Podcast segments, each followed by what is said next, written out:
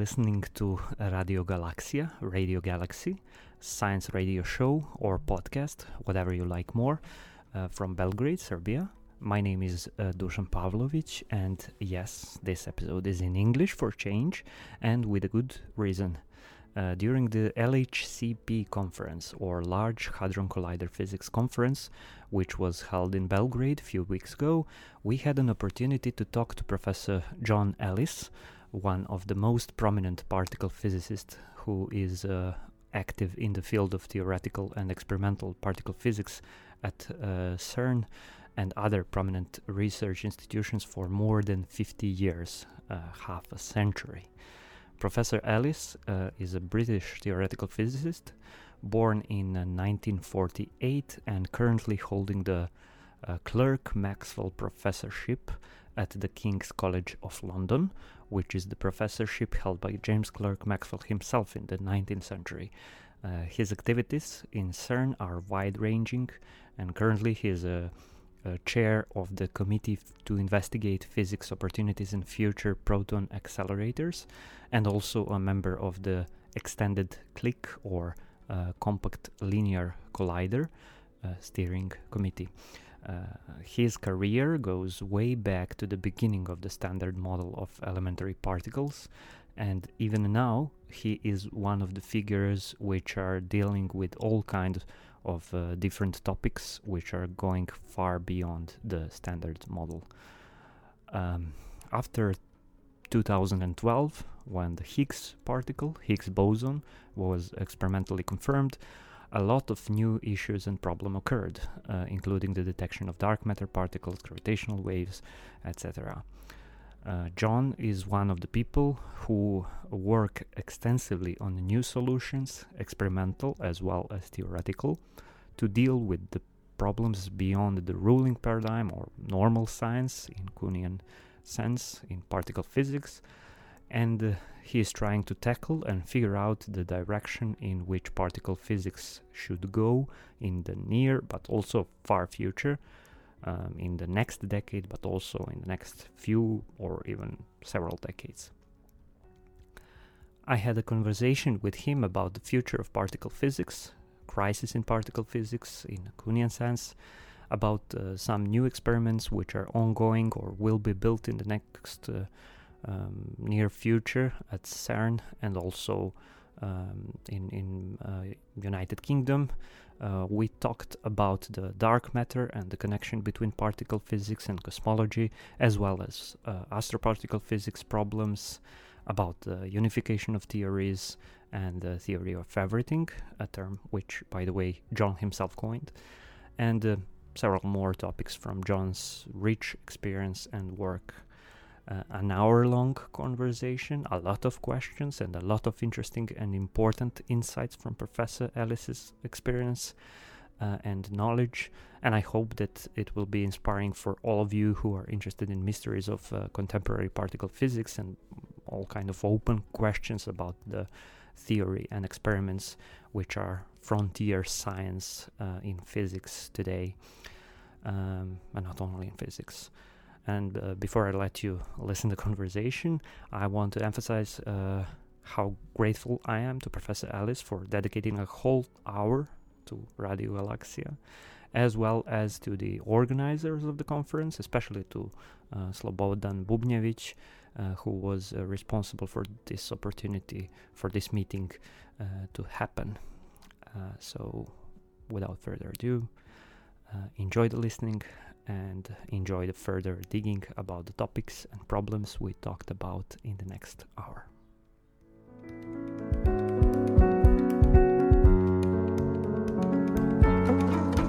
Thank you, John, for, for, for coming. Uh, it's a really big pleasure to have you here. And uh, you're the first who I interviewed uh, for the Radio Galaksija uh, radio show, podcast uh, show um, uh, in English.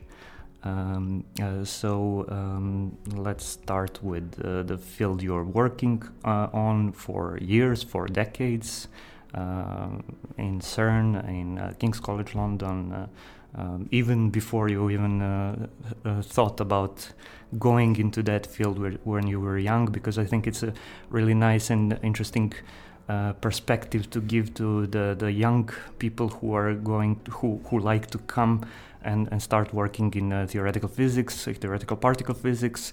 Uh, but I think uh, the, the, the, the, the atmosphere is uh, much, much uh, different uh, today than it was when you were starting because a lot of hap- things happened. And in a way, the particle physics is physics in some kind of crisis today, or or not, maybe I, I, don't know. So maybe we can start with the the the, um, the uh, question and about the uh, what is particle physics now, and in a Kuhnian sense, uh, what is the normal science uh, which uh, uh, particle physicist is working on now um, at CERN, not only at CERN, um, and what are the issues with the normal science from which maybe um, it is destined to arise some new physics or new paradigm and um, what do you look at, uh, at that? How do you look at that? Well, if you agree, I think I'm going to start back when I was 12 years old. Okay. Uh, so that was when I uh, first started getting interested in uh, in particle physics. I used to uh, borrow books from the uh, local public library, mm-hmm. Mainly non-fiction books, because the kids' stories I found very boring. And so I would uh, take out uh, books on mathematics, uh, physics, and uh, the universe, astrophysics, and cosmology. And I, I, guess that was when I got interested in particle physics, which, of course, is the uh, study of the fundamental constituents of matter. Uh, and I also got interested in the connection between those fundamental particles and the structure of the universe, cosmology the universe on the largest possible scale. And uh, of course, in order to make a connection between the two, uh, you need mathematics. So uh, that was the sort of the set of topics that I got interested in. Then, uh, moving on uh, a few years, uh, when I started doing research, the professor asked me, Well, what sort of research in theoretical physics do you want to do? And uh, I said that I wanted to do uh, work that was closely related to experiment. So I, am not a sort of pure mathematical physicist. I'm somebody who likes to uh, try to uh, understand what the data are saying and uh, to make predictions that can maybe be checked by uh, experiments. So th- that, that's very much my, my, my, driving influence, I would say. So, uh, anyway, so where are we now with particle physics? So, uh, back in the 1960s, uh, a theory was proposed that we now call the Standard Model, which uh, works incredibly well. Uh, the first experimental uh, verifications of predictions of the Standard Model came in the 1970s. Mm. In the 1980s and 1990s, uh, very detailed high precision measurements were made, which agreed with the standard model. And uh, in the 2000s, we were in a situation where everything seemed to be working fine, but uh, there was one particle that was missing mm-hmm. the, uh, the famous or infamous uh, Higgs boson. And uh, this got quite a sort of mysterious aura to it because it's a very different type of particle from all the others. In what way? Well, uh, the fundamental constituents of matter, uh, uh, the electron, uh, the quarks that make up uh, nuclei, uh, those all have spin, mm-hmm. half a unit of spin. Mm-hmm. And the forces between them are mediated by particles, which again are spinning, but with one unit of spin. That's a classic example uh, being the photon, but the same is true for the other fundamental interactions. And uh, we understand pretty well how those particles of spin one half, of spin one work. But the Higgs boson would have to be a particle with no spin. And, and because it has no spin, uh, its properties are relatively uh, unconstrained. So, just as an example, uh, it can couple to uh, matter particles w- with very different strengths. Mm-hmm. And in fact, one of the big puzzles is that we don't understand uh, the values of the interactions of the Higgs boson with the particles of matter. We don't understand that they vary over five orders of magnitude, and we just don't have a theory for for all those different types of uh, masses and uh, different strengths of interaction of the Higgs boson. So the Higgs boson, uh, as such, uh, is the prediction from the theoretical uh, structure of the Standard Model, and um, uh, it, the, its detection was missing right. Uh, but not also that was the problem. The problem was also to to understand all kind of different interactions with the particles uh, within the framework of the, of the, standard model, or or that was something which a standard model does not um, deal with. So there are various things that the standard model does not deal with. So mm-hmm. it doesn't tell you, for example, why uh, the muon weighs 200 times more than the electron. Mm-hmm. It, it, just does, and you can describe that in the standard model, but you don't have a fundamental understanding of it. And uh, also, you, you, don't understand the mass of the Higgs boson itself. Mm-hmm. So, uh, when the theory was originally written down, it was a completely arbitrary parameter. And uh, then people thought, well, uh, no, this is supposed to be a consistent quantum theory, let's calculate quantum effects. And they found that they were infinite, very infinite. Mm-hmm. So that then raised a big problem. You know, why should the Higgs boson have uh, a mass of uh, a few hundred times the proton mass, which it had to have for consistency of the theory? Mm-hmm. And uh, that's an issue which we still don't understand. And we have various theories uh, for why that might be the case. Uh, many of those theories predicted additional phenomena, like, uh, for example, uh, supersymmetry, which in principle could relate matter particles to force particles. Mm-hmm. Or uh, maybe there might be additional dimensions of space, uh, which is one of the possibilities that Einstein considered in his later years, and an idea that's become very fashionable in the context of string theory. Mm-hmm. But uh, so far, although our experiments have verified the existence of the Higgs boson, and it seems to do what it should do according to the tin, mm-hmm. uh, we haven't found any of these other phenomena that uh, we were you know, rather expecting to discover. So, uh, when the uh, Large Hadron Collider at CERN switched on uh, at high energies in 2010, uh, people thought, well, maybe we're going to discover you know, gazillions of new particles beyond the standard model, and then eventually, maybe later on, the Higgs boson. Mm-hmm. In fact, we discovered the Higgs boson mm-hmm. surprisingly quickly, and we haven't seen those gazillions of other particles. And uh, this is a problem because it really means that we don't understand the Higgs boson. Mm-hmm, mm-hmm. So, so if I go back again to when I was a student, uh, these ideas that I've been discussing uh, had been proposed, but people weren't really paying attention to them. And uh, particle physics was, in some sense, in a state of crisis. people were making additional detailed measurements, but uh, the grand vision was lacking. Mm-hmm. And then uh, in the 1970s, predictions of the standard model started getting verified, and so uh, we knew what direction we should be heading.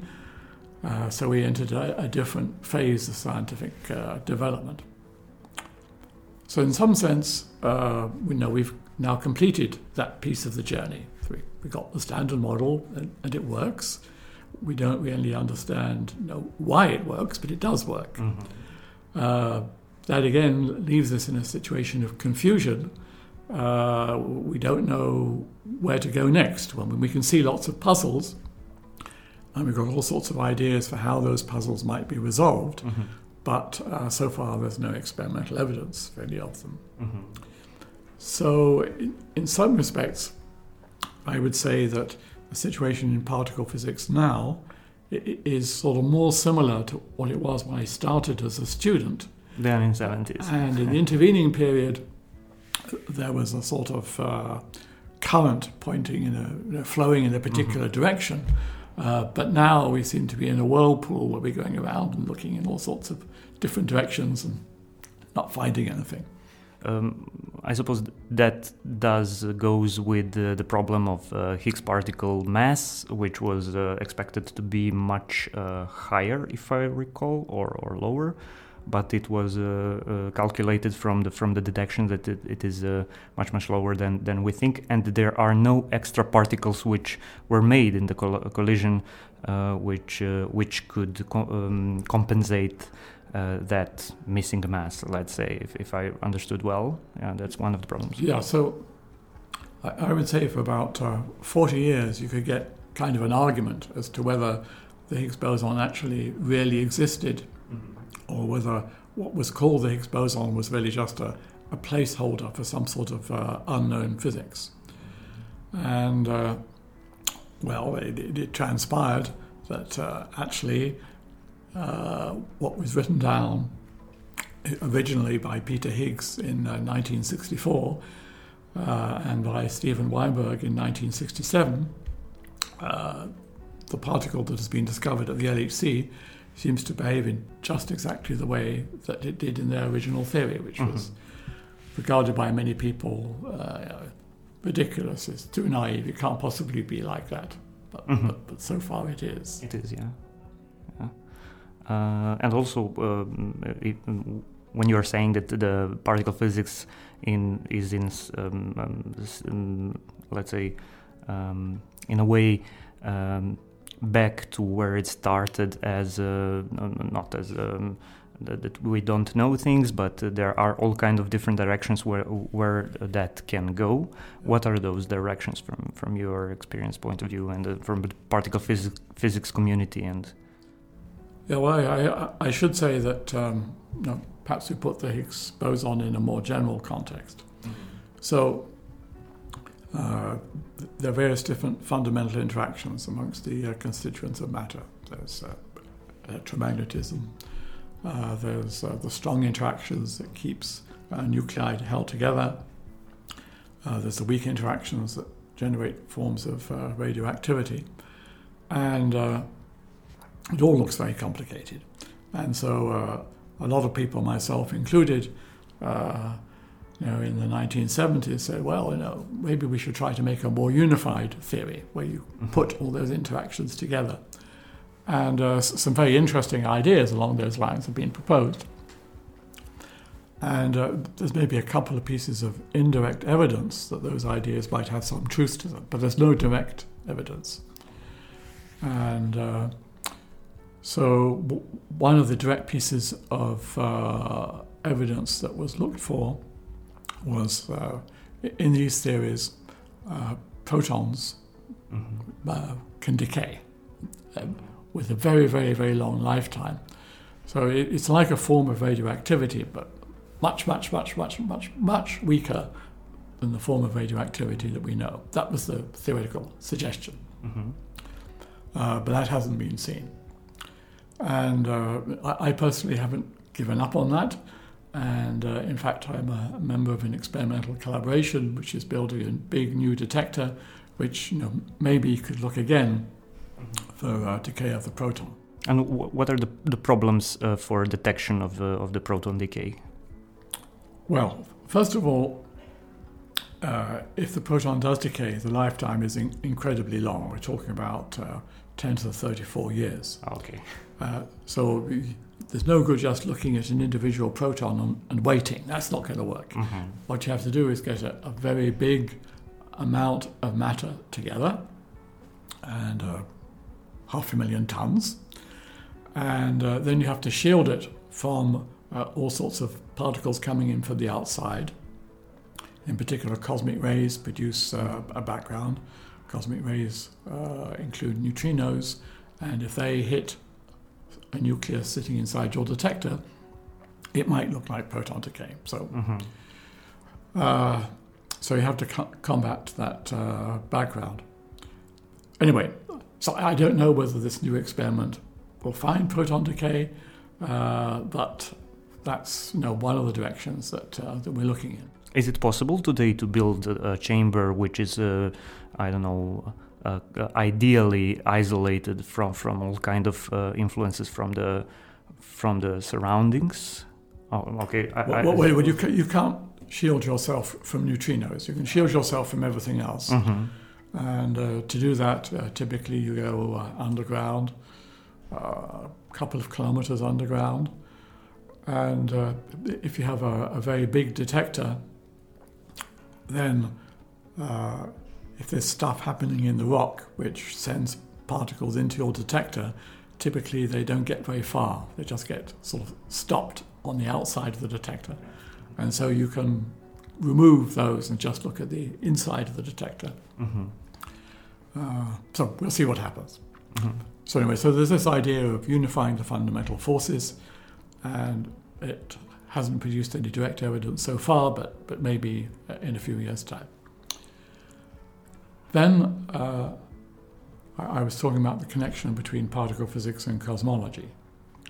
So, one of the biggest puzzles in cosmology is dark matter. Mm-hmm. So, astrophysicists tell us that in order to uh, hold galaxies together, uh, in fact, in order to form galaxies in the first place, we need in addition to the visible matter, some sort of invisible, weakly interacting uh, dark matter. Mm-hmm. And uh, there have been various ideas uh, what that might be. Uh, so uh, there's this uh, theory that I've been a fan of for a long time called supersymmetry. And that theory naturally predicted a, a, candidate dark matter particle. Mm-hmm also, some theories with extra dimensions of space also predicted a, a candidate for dark matter. But, but those particles haven't shown up yet, which doesn't mean to say that they don't exist, and there are ongoing experiments to uh, look in more detail. Uh, again, we come back to large detectors deep underground. Uh, but at the moment, uh, I think we're kind of not sure whether that's the right direction to go for, uh, for dark matter or not. And what are the characteristics of uh, those particles which supersymmetry um, goes on for the dark matter? Okay, so the theory of supersymmetry uh, says that for every matter like particle, which has half a unit of spin, there should be some matter unlike particle. Mm-hmm with either no spin or one unit of spin, uh, which would have identical internal properties, uh, but spins at a different rate. Mm-hmm. And uh, the lightest of those new supersymmetric particles uh, would in general be stable. Mm-hmm. And uh, it's quite likely to be a neutral particle with very weak interactions, mm-hmm. in which case it would be a great candidate for the dark matter. And uh, the theory predicts that it would weigh maybe somewhere between 100 and uh, 1,000 times uh, the mass of a proton, the, the mass of a hydrogen. It's a massive particle. Yeah. Yeah, yeah. So, uh, in recent years, people have been exploring alternative possibilities because those searches were not successful. I, I should mention also that uh, experiments at the LHC have also been looking for that type of dark matter and not found it. Mm-hmm. So, so people are now thinking about looking elsewhere under a different lamppost, if mm-hmm, you like. Mm-hmm. And so, one possibility is that uh, the dark matter doesn't consist of uh, individual particles, but actually, it uh, is the dark matter is due to coherent waves or, or, clouds of uh, particles that, that, cling together in a sort of quantum mechanical way. Mm-hmm.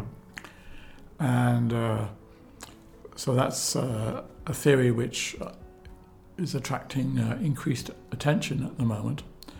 And uh, in fact, another one of my experimental interests uh, is an experiment to look for that type of uh, dark matter candidate uh, using the quantum properties of atoms.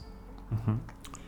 So, according to quantum mechanics, you can have things in, in two states, but they can interfere and uh, that's in particular true for atoms, and that's been observed in the laboratory. And uh, that sort of atom interference could in principle be modified if there's this cloud of uh, dark matter. So that's an effect that uh, we're uh, preparing an experiment to look for.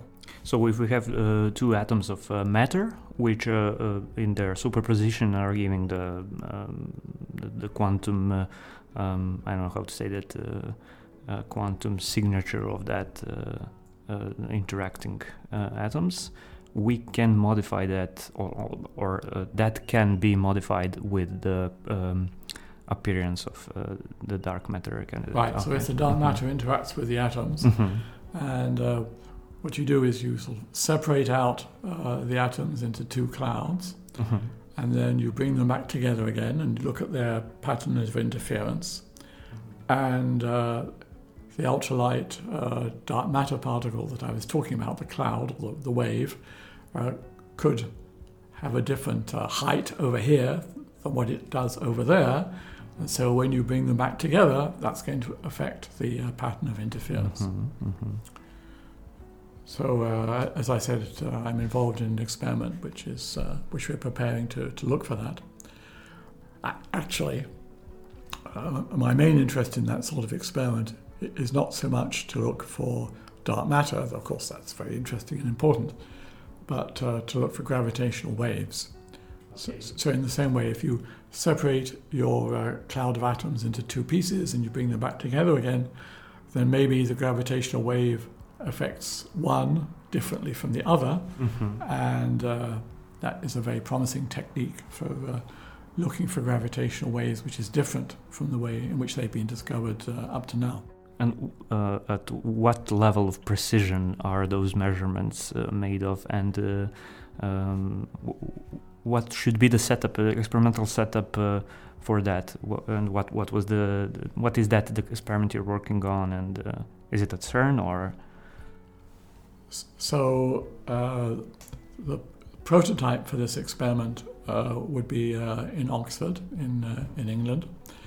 Uh, so the, the idea is basically that you uh, have a source of atoms and you throw them up, and you watch the way they go up, and then they come back down again, and you bombard them with lasers in such a way that some of the atoms go further than others, mm-hmm. and so they get separated. And then if a gravitational wave comes by or some uh, dark matter field comes by, then it could affect those two sets of atoms in different ways, mm-hmm. and you could detect that by doing this interference. But you also have an interference from all kind of other uh, things which happen, which happen on Earth, and so on and so on. Uh, how do you exclude those? Uh? Uh, yeah, indeed, that, that, that is an issue. And uh, you don't have to worry about uh, cosmic rays or radioactive particles. That's not the problem. The problem is that uh, the Earth is shaking, shaking all the mm-hmm. time. Mm-hmm.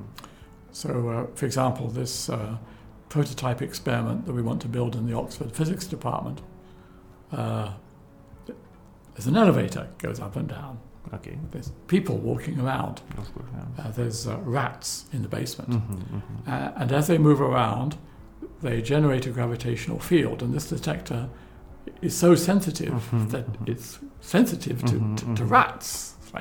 Yeah, it's, it's similar like uh, LIGO uh, experiment. Right, right, right, right, right, So, uh, so, so, I have a group of people, uh, King's College London, who are looking into this and uh, so we think that we can combat this uh, gravitational noise, at least at some level.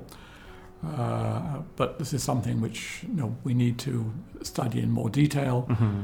Uh, uh maybe the answer is that uh, around the detector you put lots of very sensitive seismometers, and the seismometers measure the vibrations of the Earth and uh, then you can subtract that out from your uh, detector signal. So, and maybe we have to use rat poison.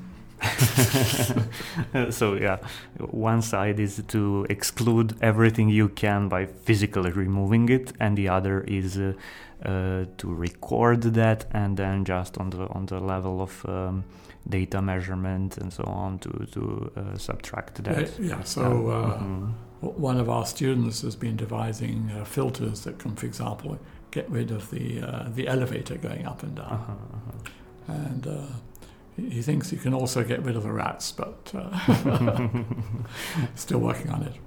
Yeah, uh, and um that idea is um, how old? Uh, is, it, is it something which is um, uh, I don't know, uh, last ten years, uh, your idea, or or th- there was an idea before, and now is the time to to try to make that because the technology uh, advanced uh, so much that it is now.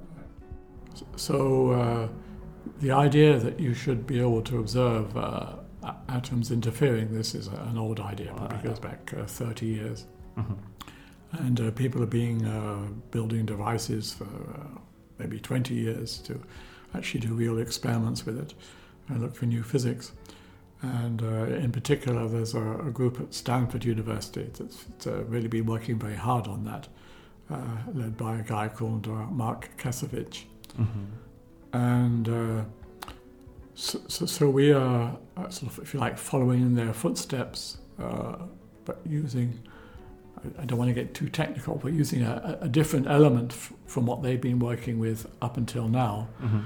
uh, because uh, this element uh, has, uh, w- we can give a bigger kick to the atoms, we can separate them more, Mhm. and by separating them more, then we get a, a greater sensitivity to these uh, possible waves of dark matter or Or gravitational gravitational waves. Mhm.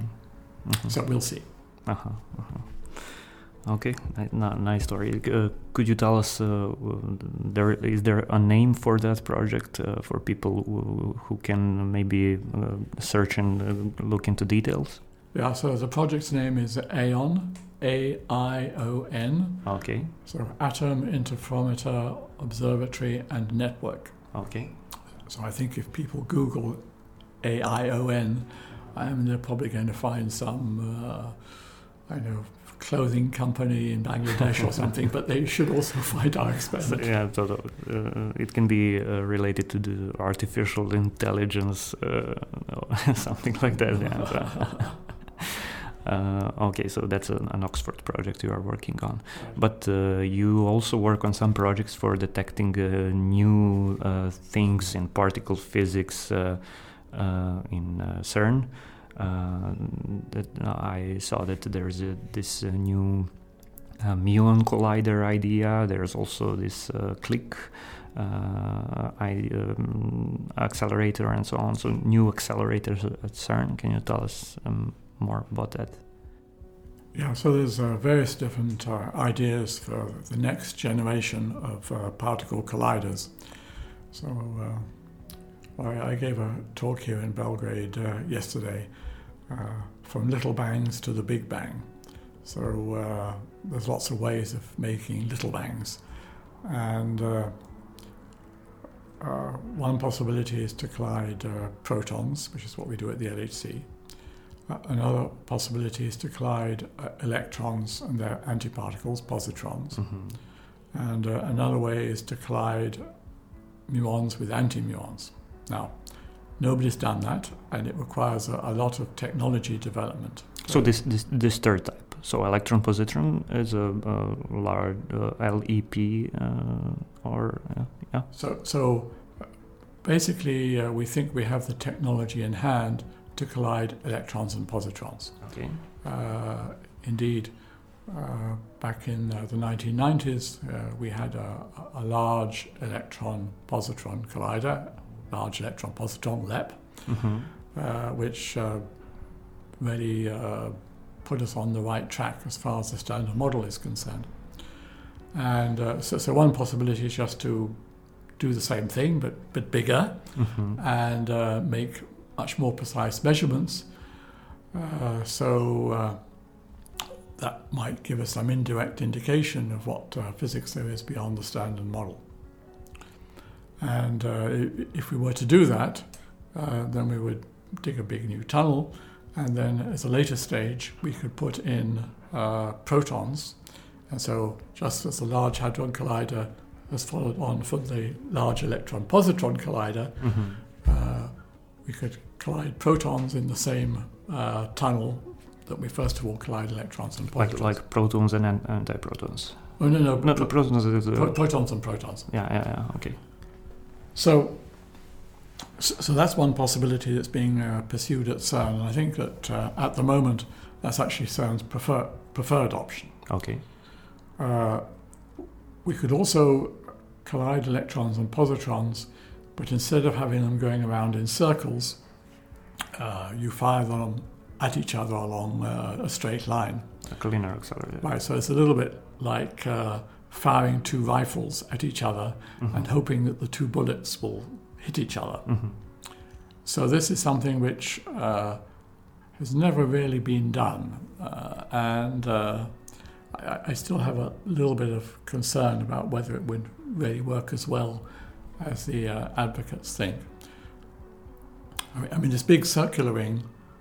You give us the money, we can start building it tomorrow, no problem. Mhm. All the technology is in hand. Mhm. But uh, I think this is not uh, necessarily the case for the other ideas. But is it on the track for, uh, for example, uh, uh, Stanford Linear Accelerator? Uh, the, the technology is uh, similar or uh, different, or Right. Well, so, at Stanford they have this uh, linear accelerator, which uh, is now used for other things, but back in the day it was used for particle physics. And uh, at one point they uh, built a collider which involved taking the uh, the beam produced by this linear accelerator and then splitting it into two bits and sending them around a curve so that they would collide with each other. Mhm. So it was called the uh, Stanford Linear Collider. In fact, it was uh, not a linear collider, it was a non linear collider Yeah. because I had to bend the beams around and bring them back together again. Stanford a linearly, a linearly accelerated non-linear collider. Exactly. exactly. So I think it was a very ingenious uh, object, uh, but it's not really competitive with, with LEP. Well, It mhm. just couldn't get as many collisions as uh, what we because if you're in a circular ring, then the particles can go around you know, for long periods of time, and uh, they've got many chances of hitting each other. Mhm. But uh, if you're firing two rifles at each other, then the bullets only have one chance to hit. Yes. Anyways, but but CERN has also been studying the possibility of a very high energy uh, linear electron positron collider, uh, the uh, CLIC project that you mentioned. Uh, but right now, I'd say that's not the primary plan at CERN. Mhm. The primary uh, direction is this uh, circular collider. And, and then uh, the people, particularly in the US, who are thinking of uh, trying to collide muons. So, so that's kind of a challenge because, first of all, you have to make lots of muons. Mhm. It's much easier to make lots of electrons because ordinary matter contains large numbers of electrons already. All you all have to do is just extract them from the atoms. Muons are much heavier leptons. Yeah, so the muon weighs 200 times as much as an electron, and Mhm. it's complicated to produce them. And uh, then you have to uh, sort of squeeze them down so that uh, then when two clouds of muons and anti-muons collide, there's a significant chance that one of the muons will hit one of the anti-muons. And not to go one pass Right. through other. Right, right. And uh, so, although in principle people know how one could do that, it's never actually been demonstrated. Mhm. And uh, so I think, uh, no, there's a long uh, development path which would need to be uh, followed to, uh, to, to build such a device. Mhm. So the Americans are thinking about that at the moment. There's uh, a lot of interest maybe in, in setting up uh, a development scheme uh, for that muon collider. And for the muon collider, uh, is it uh, much better to have linear linear uh, collision, uh, linear acceleration and collision, or Uh, or it- circular? It, it would be circular. uh-huh, uh-huh. Right. So, So, uh, so anyway, those are the three uh, principal ideas that are being discussed. So, as I said, at CERN, uh, we're thinking about a large circular E plus E minus collider followed by a proton-proton. And uh, in China, they're thinking of a similar project, mhm. uh, whereas in uh, the US, they're thinking more about a muon collider. Okay, so so um, stronger colliders, stronger accelerators, and uh, uh, if you, we look within the standard model of elementary particles, what should we expect to find when we uh, collide uh, electrons and positrons or muons? So, so, so, the first step would be to uh, make very high precision measurements with these electron positron collisions. It, it, would produce uh, orders of magnitude more collisions than what were observed uh, with the Large Electron Positron Collider in the 1990s. Uh, mm-hmm. And the idea is that by making detailed studies of uh, the Z boson, uh, the boson responsible for weak interactions, and the Higgs boson, then we could maybe get some indirect indication of, of possible new physics. Mm-hmm. But to actually find direct evidence, uh, probably we would need this high energy proton proton collider, mm-hmm. Which would be a second stage of the uh, uh, large circular tunnel project that I mentioned. Mm-hmm. Uh, but the idea would be to uh, go to energies which are at least 10, maybe 15 times higher than what we have with a Large Hadron Collider. And uh, so I think that's a, a great long term objective, but it is kind of a long term objective. Yeah. mm-hmm, mm-hmm. And the, the, the money uh, which we need for to build that is it 10 or more times larger than uh, for for the building of uh, LHC or or uh, something similar or much much much more. So the uh, electron positron uh, collider that would cost something similar to the LHC, not not a no. not a not a much larger uh, amount of money. The, the proton proton collider surely would cost more money, mm.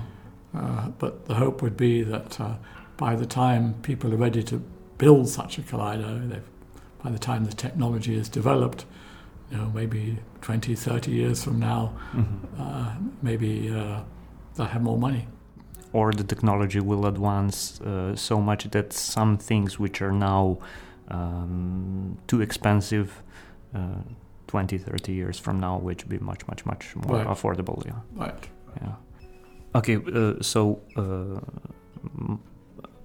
a great uh, amount of what we were talking about now is the advancement of uh, experimental particle physics and a lot of things uh, are happening in the experimental uh, field of particle physics. But what about the theoretical physics? And uh, when we look at the um, let's say input of new students and so on, I suppose.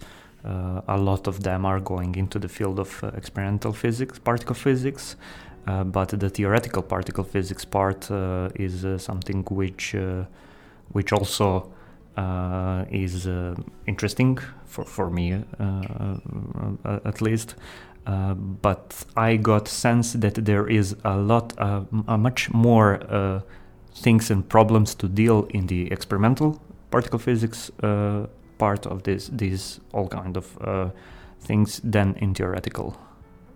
What what is what is your well, uh, of course, uh, there's many more experimental physicists than there are theoretical physicists. Yeah. But uh, you, need both. Right? They work hand in hand, and uh, science advances through some sort of dialectic between the theorists and the experimentalists. Like an Ouroboros. Which, uh, which right, right. So uh, maybe an experiment finds something anomalous, and then they ask the theorists or maybe a theorist comes up with some new theory and says to experiments, well, why don't you look for that? So mm-hmm. it, it, it, goes around in circles. Uh, and uh, you know, if I look you know, back over my own career, uh, you know, I've seen this uh, sort of uh, circular process uh, taking place. just to give you an example, back in 1974, an experiment discovered a new particle, which was completely unexpected. So they went to the theorists and said, well, What do you think this is? And the theory said, Hmm, it must be a bound state of charmed quarks. and uh, we hadn't thought it would look like that. But actually, uh, now that you tell us, yes, it, you know, we can understand why it looks like that. Mm-hmm. That's uh, Lee and uh, Goldberg, or uh, detection of, of charm quark, or no, not Goldberg. No, it was discovered simultaneously by two experimental groups uh, in the US, uh-huh. one led by uh, Sam Ting and uh, one led by Burt Richter. Mm-hmm. So uh, Sam Ting was working uh, at Brookhaven Laboratory on Long Island, and Richter and his team were working at Stanford. So I think that's a very interesting example of how an experiment discovered something unexpected, mm-hmm which then, when they discussed with the theorists, the theorist said, "Oh yeah, well we should have expected that." Mm-hmm. Um, so, so, subsequently, with the uh, uh, development of the standard model, I think it's fair to say that uh, theory has been leading experiment in, in the sense that uh, mm-hmm. Uh, theory says, "Oh well, you, you should look for uh, massive." Force carrying particles responsible for the weak interactions. You should look for the Higgs boson, although we sort of hope it doesn't look like the standard model, but nevertheless, you should look for it. Uh, so now maybe we're moving into a different phase mm-hmm. where uh, the experiments are looking for uh, anomalies, uh, something which doesn't quite fit with the theory. And uh, in fact, this week at this conference in Belgrade, we've been hearing about uh, various uh, discrepancies uh, between experimental measurements and the standard model. I, I don't think any of them, uh, at the moment at least, are significant. Uh, so uh, I'm not planning to lose any sleep over them at the moment, but uh, you know, we should keep an eye on things. Mm. On the other hand, I, I, would say that if we come back to astrophysics and cosmology, then uh, experiment has been leading theory for, for decades. Mm-hmm. Uh, the idea that there should be dark matter was first proposed by Fritz Zwicky in the 1930s. Uh, very strong evidence produced in the 1970s by Vera Rubin, uh, overwhelming evidence now, but we haven't got the foggiest idea what it is. I, I, I discussed mm-hmm. some of the ideas, you know, very massive particles that we might be able to make at the LHC, or uh, waves of very light particles. And then there's all sorts of other options in between. Yeah. So, so I think that uh, very dark objects which are not visible. Yeah, that's right, that's right. Yeah. So, I mean, that's uh, an area which is, uh, is experimental phenomena that need to be understood the theorists have lots of ideas, but somehow we haven't succeeded in closing the loop. Mm-hmm, mm-hmm. Uh, and if, if, if we go uh, into the let's say deeper structure of the standard model and uh, generally particle physics uh, um, as a, as a field as a um, as a theory, uh, we are always going back to the I don't know a- ancient uh, Greek concept of uh, atomism or reductionism.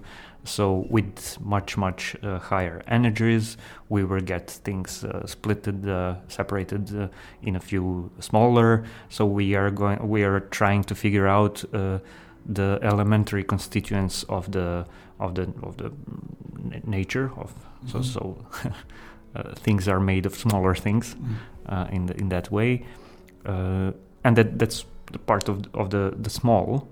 But uh, what happens when when you come to the such enormous energies that you have a I don't know Planckian scale uh, particles or, or whatever we call that on, on, on one hand, but on the other hand, we have, uh, uh, in the sense of uh, unification, uh, grand unification of uh, theories, we have gravity, we have gravitational f- f- field force uh, which is completely opposite in a, in a sense. Uh, so when you collide uh, two massive bodies, two black holes or something like that, you just get a bigger, uh, bigger object, ma- more massive object. That's uh, that's uh, in a sense an opposite of reductionism and atomism. Yeah, well, uh, some very uh, interesting speculative ideas that there may be some deep connection between uh, the very small scales and the very large scales. And uh, well, one of the reasons why people are thinking about this is uh, we talked about dark matter. We didn't talk about dark energy. Mm-hmm. So, so, dark energy is uh, a density of energy which seems to be spread throughout all of empty space. Mm-hmm. So you take out all the particles. You'd say, well, there's nothing left. Wrong. There is. Yeah. There is some density of energy. And uh, this seems to be causing the expansion of the universe to accelerate at the present time. Now, the, the amount of that dark energy is incredibly small uh, on a particle physics scale. So, uh, for example, if in the standard model you asked me to uh, estimate the dark energy, I would have said, well, maybe 10 to the 60 times larger than what's actually been observed. Mm-hmm. And if you asked a quantum gravity person, they might say, well, 10 to the power 120 times as much as what's been seen. So it's a real puzzle, not that there is dark energy, it's a real puzzle that the amount of dark energy is so small. Mm-hmm. And, and, so that's really suggesting that uh, in our chase towards ever higher energies, somehow there's something that we missed uh, at very low energies, or some sort of connection between the very high energies and the very low energies that uh, we haven't understood. So uh, that's a very interesting thought, but I'm not sure how to turn that into an experimental program to actually uh, investigate. Mm-hmm. But I, I, think that uh, one very interesting frontier that's now opening up is uh, you know, new experimental studies of uh, gravity, uh, Einstein's theory of relativity, which uh, we didn't have previously. So I, I mentioned uh, earlier on uh, my personal interest in gravitational waves, and uh, you mentioned uh, black holes merging to make bigger black holes. So uh, what's been observed uh, so far are the mergers of black holes weighing maybe a, a few dozen times the mass of the sun. Mm-hmm. Uh, but we know that in the centers of galaxies, there are uh, black holes that weigh millions or billions of times uh, the mass of the sun. So, uh, how do you get from these small black holes to those big black holes? Mm-hmm. And uh, so, I think that's a very interesting astrophysical question, which I'm uh, interested in exploring, in particular with our atom interferometers. But the hope is that, you know, with all these experiments uh, ongoing and, and, planned to study gravitational waves, that we'll figure out some way of uh, detecting quantum gravitational effects. Okay. Uh, so far, I don't think people have come up with any particularly convincing idea, but uh, it's early days yet. Let's uh, keep on studying gravitational waves experimentally, let's keep on thinking theoretically what you might be able to do. Uh-huh. So when you say people are still looking for an idea, uh, you are talking about the idea for um, experimental design or for idea for uh, quantum effects, which uh, people should look uh, look for. So, so, the question is: Is there some uh, experimental manifestation of quantum effects that one could actually observe? And uh, well, well, there is one which has been proposed, which is that uh, if you go back to the very early history of the universe, uh, it seems that it expanded exponentially rapidly through something a little bit like today's dark energy, but on a, much, much, much uh, mm-hmm. higher energy scale. And because it occurred at a much higher energy scale, maybe that would give us a direct window on a theory of quantum gravity. Mm-hmm. And uh, specifically, uh, what probably happened uh, is that uh, there were quantum fluctuations very early in the history of the universe which distorted space time. And uh, the race is on to discover the uh, quantum manifestations of distortions of space time. Mm-hmm. Now, that's not really sort of getting deep into the mysteries of quantum gravity, but it would be a first window onto uh, uh, quantum gravitational effects. Yeah, so it will be some kind of uh, observational evidence of, of quantum uh, gra- gravitational effects. Right. And uh, people are looking that into um, um, microwave background radiation or? Yeah, so, so this is uh, more precise experiments looking at the microwave background radiation. Uh, in particular, looking at polarization effects. Mm-hmm, mm-hmm. And uh, microwave background polarization. Uh, uh, of course, there's other mechanisms whereby it might be generated, but one of the mechanisms is uh, quantum gravitational effects in the very early universe. Mm-hmm. So uh, you're talking about the, the BICEP experiment or, or something uh, advanced? Right. So you mentioned the BICEP experiment, which, BICEP yeah, yeah. a few years ago claimed to have observed this polarization effect, yeah. but uh, turned out that they had misinterpreted their data. They uh, detected dust. Uh, yeah, yeah, yeah. But now there's uh, more advanced uh, experiments, and they're you know, pushing further and further and trying to uh, observe this polarization effect. And there's two big future projects which are being prepared. one in the United States uh, which is a sort of ground-based uh, project. And uh, then there is a, a, space experiment called LiteBIRD, which is being led by the Japanese, but with participation by other countries. And so maybe by the end of this decade, we'll finally see this polarization of the microwave background. Mm-hmm. So. And when you look back uh, through your career from let's say uh, when you were a uh, bachelor student and uh, working with all kind of different problems at different uh, institutions from Caltech to LHC and so on and so on. Uh, how do, do you see this? Um, sh- should I say crisis of of particle physics today, or or should I say I don't know all kind of different interesting openings. Uh, how, how do you see that in a context of all kind of historical situations which happened similarly or or mm, less similarly? Uh, what, what you can tell people who are listening this are, and are maybe uh, I don't know eager to uh, to uh, figure out that direction in which uh, particle physics should go uh, as fast as, as, it, as is possible.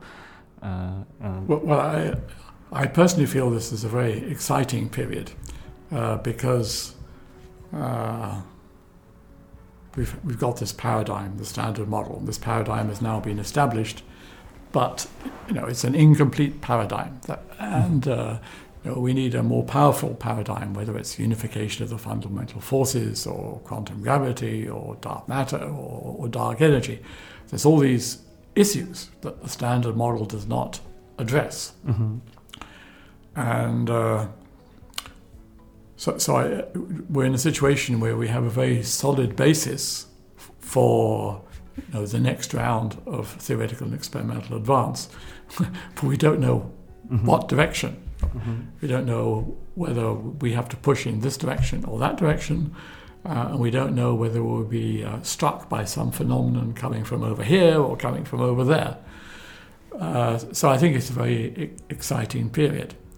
And uh, I, I, personally feel know, as excited now in the 2020s uh, as I did in the 1970s uh, when we moved from a situation where we really didn't know what we were doing to uh, the discovery of charm particles, which we discussed uh, briefly, which then led us on towards the standard model. So here we are, we're looking around, we're trying to figure out different experiments that we could do, trying out different theories. But, uh, you know, tomorrow maybe somebody's going to come in with some uh, mm-hmm. Experimental breakthrough which is going to point to us which direction to go. So, uh, my uh, personal pl- plan is to be uh, ready for whatever happens. Mm-hmm. Mm-hmm. And uh, I, I, try to tell my younger colleagues, uh, of course, you have to pursue your research line and uh, develop some expertise, but keep on looking around, you know, mm-hmm. reading other papers that maybe don't seem to be directly related to what you're doing, uh, but to build up this sort of uh, background knowledge so that uh, if all of a sudden there's some new astrophysical phenomenon which tells us something about mm-hmm. fundamental physics, then you'll be ready. Yeah, yeah. And uh, what do you think about the the vast number of papers and vast number of uh, knowledge and theoretical and experimental ideas which are um, present now, maybe more than ever, uh, in uh, one particular field, field uh, particle physics or, or small uh, small field. And what do, th- what think about that? Is that leads to that leads to uh, I don't know the, the growth of knowledge, or it is just uh, problematic to to see through all those papers and should there be let's say one renaissance um, person who can encompass all of that and figure out what is the direction or or we are way beyond that and we, we cannot do that anymore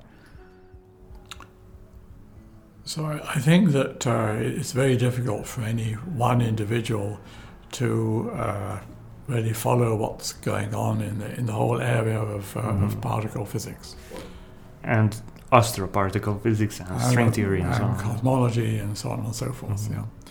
And uh, if you do try to follow what's happening in all these different uh, areas, then uh, your knowledge will necessarily be uh, superficial. There's just not enough hours in the day to read all the papers that appear uh, every day.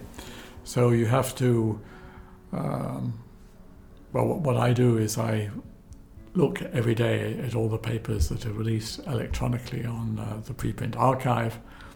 I uh, look at what's happening in experimental particle physics, theoretical particle physics, some of the astrophysics, uh, and general relativity. Mm-hmm.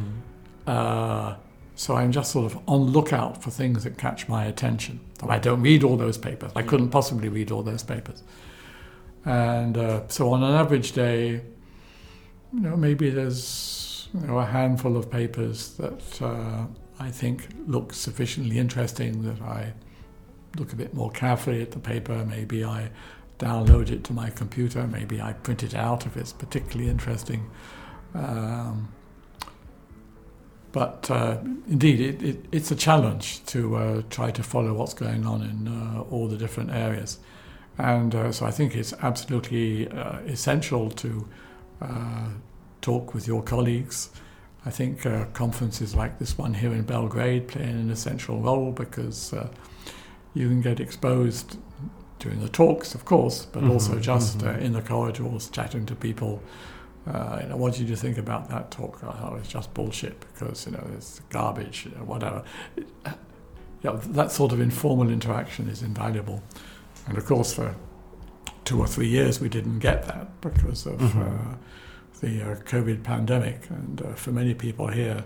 You know, this is the first big conference they've been to in several years, and a lot mm. of people commented to me, you know, how refreshing it is uh, uh, to hear all these ideas and just renew the contacts with their colleagues. Yeah, to drink coffee and uh, informally chit chat about about things. Yeah, yeah.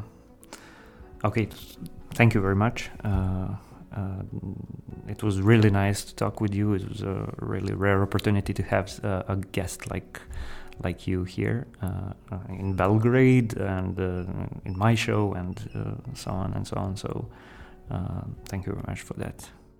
Well, thank you for the invitation. It's uh, always uh, interesting to uh, discuss with uh, interested uh, non experts. Often you sort of look at what you're doing in a somewhat different way, and I think that's also very useful for us. And you're, you're a really big advocate for, for science and physics and particle physics. You talk a lot on all kind of different um, opportunities and also big advocate for, for CERN and uh, along all kind of different countries. You, you're trying to, to bring people together to work on that. Yeah, it's really yeah well, I'm a, a firm uh, believer in uh, science for peace. And uh, as I mentioned in my public lecture yesterday, I think I uh, regret very much that uh, you know, uh, countries that were previously collaborating in a friendly way are you know, fighting each other. Mm. And you know, I think that that's harming science, and that will harm science more if it uh, continues. I hope very much that uh, situation calms down and uh, we'll be able to resume scientific collaboration and scientific discovery on the scale that we were doing before. Yeah, I hope that too. Thank you. Okay, follow Lepo.